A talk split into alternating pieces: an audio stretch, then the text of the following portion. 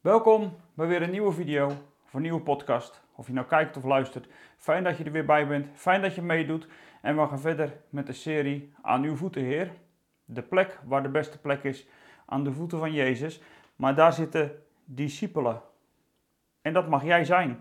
Daar zijn we ondertussen wel achter in deze serie. Jij mag die discipel zijn die de bediening van Jezus mag voortzetten op aarde. Maar hoe dan? Nou, dat is eigenlijk waar het in deze serie iedere keer weer over gaat. En het sleutelwoord is eigenlijk waar Jezus zijn allereerste preek mee begon. Toen hij werkelijk echt op stap ging.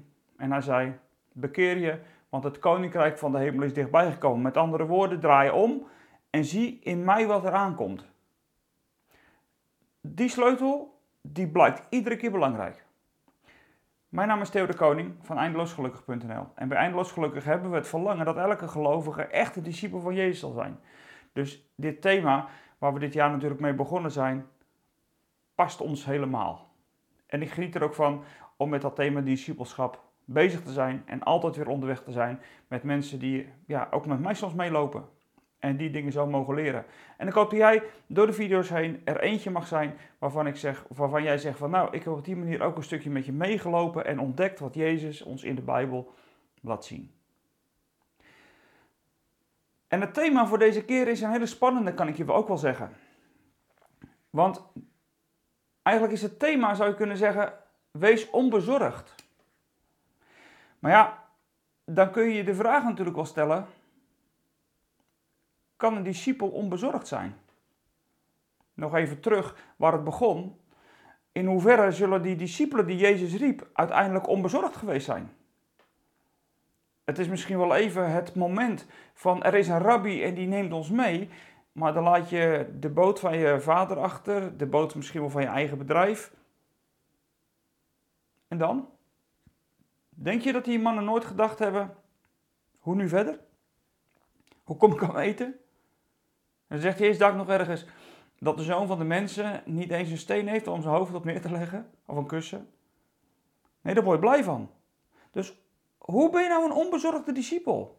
Kan dat überhaupt wel? Is het wel eerlijk van Jezus dat hij tegen je zegt: Je mag niet bezorgd zijn hoor? Dan ben je net geroepen. En dan? Je weet niet eens wat er voor je ligt. Je kent de weg voor je niet. Je weet alleen wat je achterlaat en loslaat. Je laat al je zekerheden los en dan onbezorgd zijn.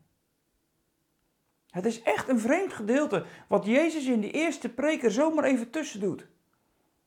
Hij is met al die mooie, gelukkige woorden wel begonnen in de bergreden. En daarna heeft hij nog wel een paar hele mooie dingen gezegd. Hij heeft het ook nog over vasten gehad. Hij heeft het over, over zoveel themaatjes gehad. Het zijn de, de, de kleinere thema's die hij heel groot maakt. Hoofdstuk 5 en een gedeelte van 6. En dan sluit hij eigenlijk hoofdstuk 6 een beetje af met: Wees niet bezorgd. Ik kan jou niet zien. Ik weet niet hoeveel mensen daar op dit moment kijken. Maar als ik dit in een gemeente vraag op zondag. Dan stel ik gewoon de vraag van wie is er wel eens bezorgd? En iemand zei tegen mij, ja Theo, je moet ook gewoon zelf je hand gelijk maar even opsteken. Dan weet de gemeente dat ze moeten reageren. Nou, en daarbij kan ik mijn hand ook wel oprecht opsteken. Want onbezorgd leven, dat lukt mij ook niet altijd. En toch is dat wat Jezus tegen ons zegt. Wees niet bezorgd. Ik ga het stukje met je lezen, omdat het stukje helemaal eigenlijk belangrijk is. En als je een tekst losmaakt, en dat weten we natuurlijk al lang, ik heb hier natuurlijk ook al een keer eerder iets over gezegd, alleen ik benader hem nu echt vanuit de discipel. Dus echt vanuit hoe Jezus is begonnen en even niet zoals bij de dooddoeners. Het is een apart gedeelte, maar je moet het hele gedeelte er even bij pakken om te begrijpen wat Jezus precies zegt tegen een discipel die hem gaat volgen. En dan begint hij in uh, hoofdstuk 6, Vanaf vers 19. Verzamel voor jezelf geen schatten op de aarde. Mot en roest vreten ze weg. En dieven breken, in om ze te stelen. Verzamel schatten in de hemel. Daar vreten mot nog roest ze weg. Daar breken geen dieven in om te stelen. Waar je schat is, daar zal ook je hart zijn. Jezus maakt dus een onderscheid tussen schatten op aarde en schatten in de hemel. En eigenlijk doet Jezus dat in dit gedeelte telkens weer. Hij maakt onderscheid tussen waar zoek jij nu? Waar zoek jij je schat? Zoek je die op aarde? En dan heeft hij het over aardse schatten. Of zoek je het in de hemel? En dan heb je het over het koninkrijk. En die tweeslag, die maakt hij in dit gedeelte iedere keer. En dat komt eigenlijk al voort uit het begin, waar hij natuurlijk zei toen hij net in Galilea begon rond te lopen. Toen zei hij, bekeer je, draai om en zie in mij het koninkrijk naar je toe komen. Het koninkrijk van de hemel is nabijgekomen. Hij maakt iedere keer die omslag. Tussen waar ben je nu en waar moet je je nou op richten? Daar ging het er ook al over. Maak je los van het aardse. Maak het los van datgene waar je je op gericht hebt. En zie dat in Jezus het nieuwe koninkrijk komt. En als je daar een discipel in wil zijn, dan moet je je losmaken, omdraaien en Jezus aankijken. En die tweeslag, die doet hij ook in het thema bezorgd zijn, of eigenlijk niet bezorgd zijn. Laat hij helemaal terugkomen. En die sleutel, die moet je niet vergeten. Want als je die sleutel vergeet, dan snap je het gedeelte niet. Dan komt het in een hele rare verhouding te staan. Dan wordt het ineens alsof, nou ja, dat, dan past het niet meer. Dus dat is hoe Jezus begint over zorgen maken. En dan zegt hij ook, het oog is de lamp van het lichaam. Dus als je oog helder is, en heel, zal heel je lichaam verlicht zijn. Maar als je oog troebel is, zal je hele lichaam duisternis zijn. Als het licht in jezelf verduisterd is, hoe groot is dan die duisternis? Dus het is er maar waar je met je oog naar kijkt. Kijk je nou met je oog naar het licht, dan is je lichaam licht. Maar als je met je oog naar de duisternis van deze wereld kijkt, dan wordt alles troebel en vaag. De, eh, je oog is de lamp van je lichaam. Dus hoe gebruik je dat? Is je oog nou helder of niet? En als jij met je oog kijkt naar het koninkrijk van Jezus, dan verandert iets in je denken. En dat maakt dat dat koninkrijk van Jezus uiteindelijk jou zoveel hoop geeft dat je daar je aandacht op gaat richten. Want eigenlijk gaat het Jezus nog niet eens over ben je nou bezorgd of niet bezorgd. Maar het gaat er bij Jezus om, is je focus goed? Is je focus gericht op het koninkrijk of op deze aarde? En dan zegt Jezus, je kan namelijk geen twee heren dienen. Want je zal of de eerste haten en de tweede liefhebben, of juist toegewijd zijn aan de ander en de ander, aan de een en de ander verachten. Je kunt niet God dienen en de mammon. Dat is één. Dat is het eerste waar je niet bezorgd over moet maken, geld. Dus geld is de eerste, de mammon. Daarom zeg ik, jullie maak je geen zorgen over je leven, over wat je eten zult, dat is het tweede. Wat je drinken zult, dat is het derde. Nog over je lichaam, waarmee je zult kleden, dat is, het, dat, is het, dat is het vierde. Het leven is meer dan voedsel en het lichaam is meer dan kleding. Kijk naar de vogels in de lucht. Ze zaaien niet en ze oogsten niet. Ze vullen geen voorraad schuren. Het is jullie hemelse vader die, je, die ze voedt. Zijn jullie niet meer waard dan zij? Wie van jullie kan door zich zorgen te maken ook maar één dag aan zijn levensduur toevoegen? En wat maken jullie je zorgen over je kleding? Kijk eens naar de lelies, hoe ze groeien in het veld. Ze werken niet, ze weven niet. En ik zeg jullie zelf, Salomo ging met al zijn luister niet gekleed als een van hen. Als God het groen dat vandaag nog op het veld staat en morgen in de oven wordt gegooid, al met zoveel zorg bekleed, hoeveel meer zorg zal hij dan niet, met hoeveel meer zorg zal hij dan niet jullie kleden? Kleingelovigen, vraag je dus niet bezorgd af wat zullen we eten, wat zullen we drinken of waarmee zullen we ons kleden. Dat zijn allemaal dingen die de heidenen najagen. Jullie hemelse vader weet wel dat jullie dat alles nodig hebben. Zoek liever het koninkrijk van God en zijn gerechtigheid, dan zullen al die andere dingen je erbij gegeven worden. Maak je dus geen zorgen voor de dag van morgen, want de dag van morgen zorgt wel voor zichzelf. Elke dag heeft genoeg aan zijn eigen kwaad. Dus niet zorgen maken over je geld, over eten, over drinken, over je kleding en over de dag van morgen. Die vijf dingen moet je niet doen. Je moet je niet zorgen gelegen maken vannacht op bed over de dag van morgen. Want morgen zal wel voor zichzelf zorgen, zegt Jezus. Maar de sleutel is natuurlijk dat je focus de goede kant op moet zijn. En wat is nou je focus? Wat is de focus van een discipel waardoor hij zijn zorgen loslaat? Dan kan ik heel goedkoop zeggen, dan moet je je zorg aan God geven. En ja, amen, dat is waar. Je moet je zorg aan God geven, dan zal God over jou zorgen zorgen. Dat is waar. God zorgt voor jou als jij jouw zorg aan hem bekend maakt. En hoe en wat weet ik nooit precies, maar dat is wel een feit. Maar dat is niet wat Jezus hier eigenlijk natuurlijk zegt. Hij heeft het hier over de focus die die discipel moet hebben om zorgeloos te kunnen leven. En wat is dan het belangrijkste? Dat je je focus houdt op? Op het koninkrijk. Op dat waar hij mee begon toen hij in Galilea begon te preken. Draai om, bekeer je, want het koninkrijk van de hemel is nabijgekomen. En als je een discipel van Jezus wil zijn, dan gaat het erom dat jij je focus houdt op het koninkrijk.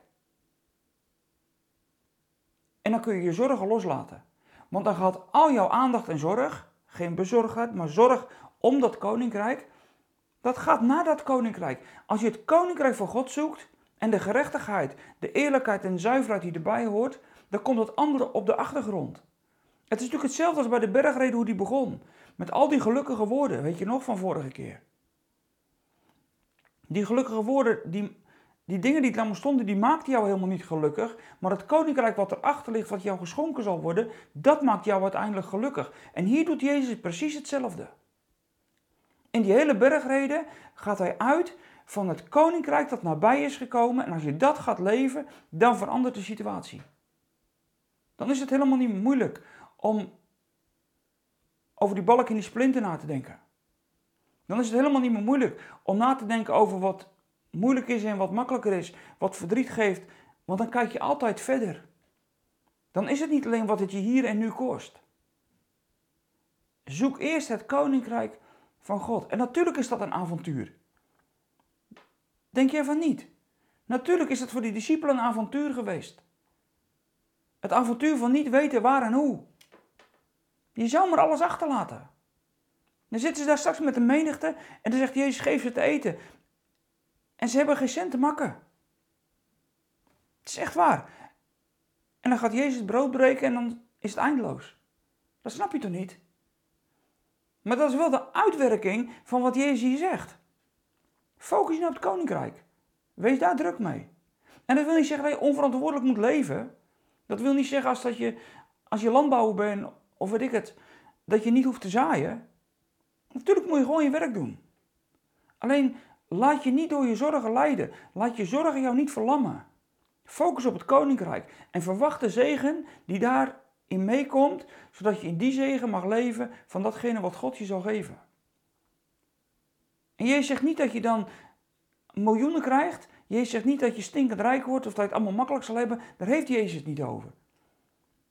Jezus zegt niet, nou ja, alles wat je dan niet moet zoeken, dat krijg je allemaal zoals dat jij het had gewild. Dat zegt hij helemaal niet. Daar gaat het ook hier helemaal niet over. Het gaat uiteindelijk niet over datgene wat, het, wat je erbij krijgt. Het gaat erover dat jouw focus op het koninkrijk is gericht.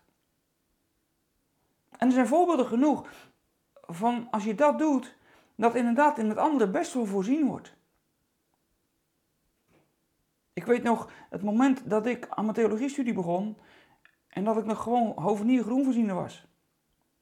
En dat ik op zaterdag nog allerlei klussen had en, maar ja, dan ga je op zaterdag studeren. Nee, dat is makkelijk. Ik weet niet hoe vaak ik het uitgerekend heb, maar ik had de briefjes op mijn dashboard liggen van hoe het financieel niet kon in ieder geval. Maar in die periode is het altijd goed gekomen.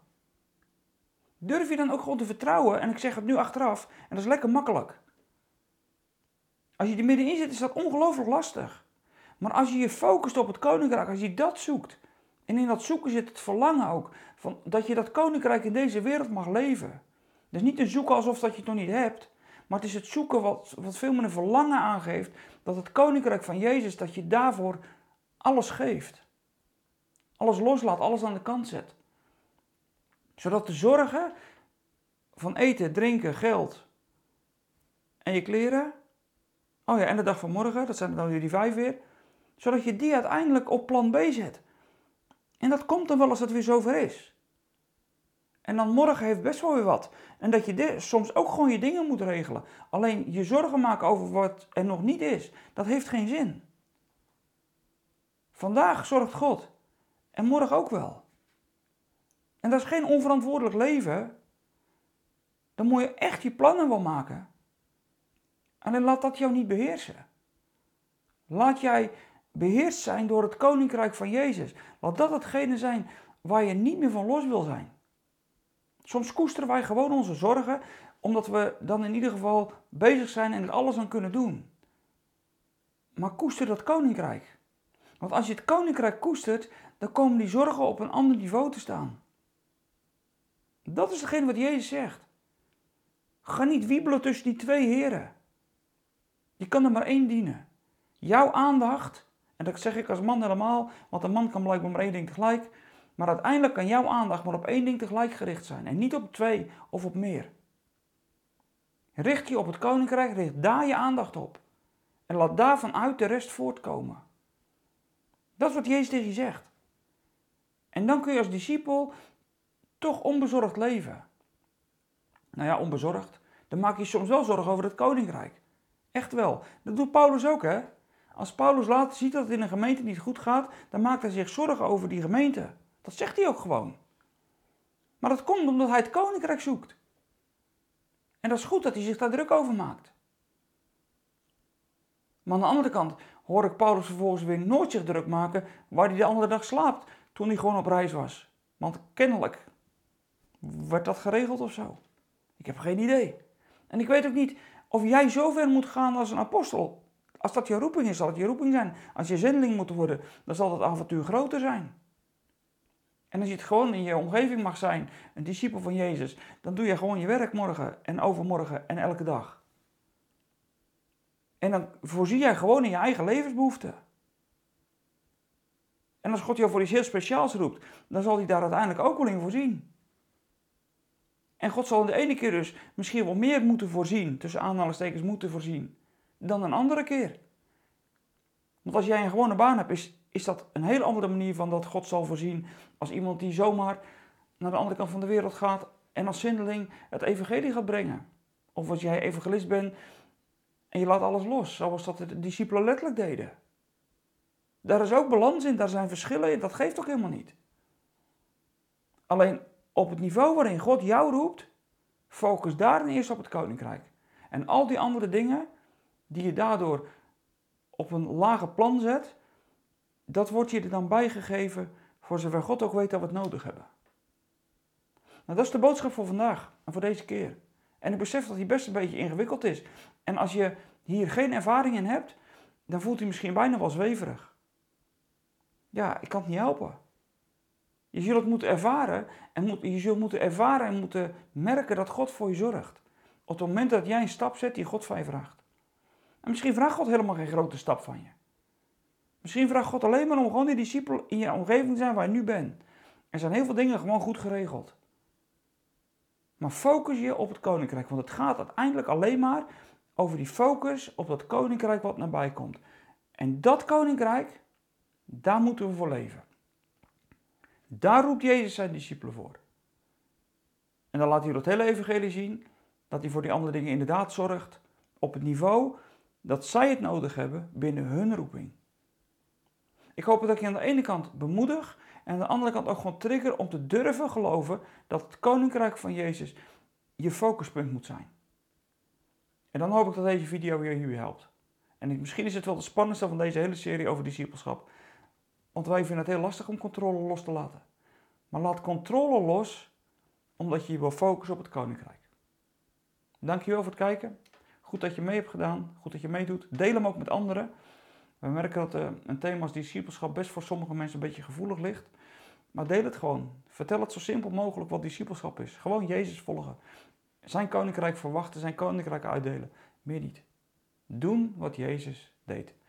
Dat wens ik je toe voor deze week. Bedankt voor het kijken. Ik zou zeggen, geef op YouTube even een blauw duimpje als je dat niet hebt gedaan. Abonneer je ook nog even als je dat ook nog niet hebt gedaan. Dat is altijd makkelijk.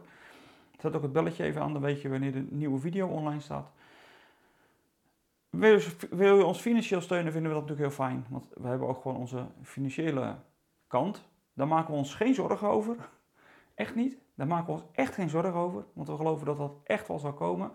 Maar ja, dat hebben jullie gelijk ook alweer voor nodig. Dus ik doe die oproep gewoon wel. Onbezorgd. In het vertrouwen dat God zal voorzien. En dat God dat op je hart zal leggen. Wat hij vindt dat belangrijk is om te geven. En als je niks kan geven, is dat ook helemaal goed. Dan dienen we je graag met deze video's. Ik zou zeggen voor nu dankjewel.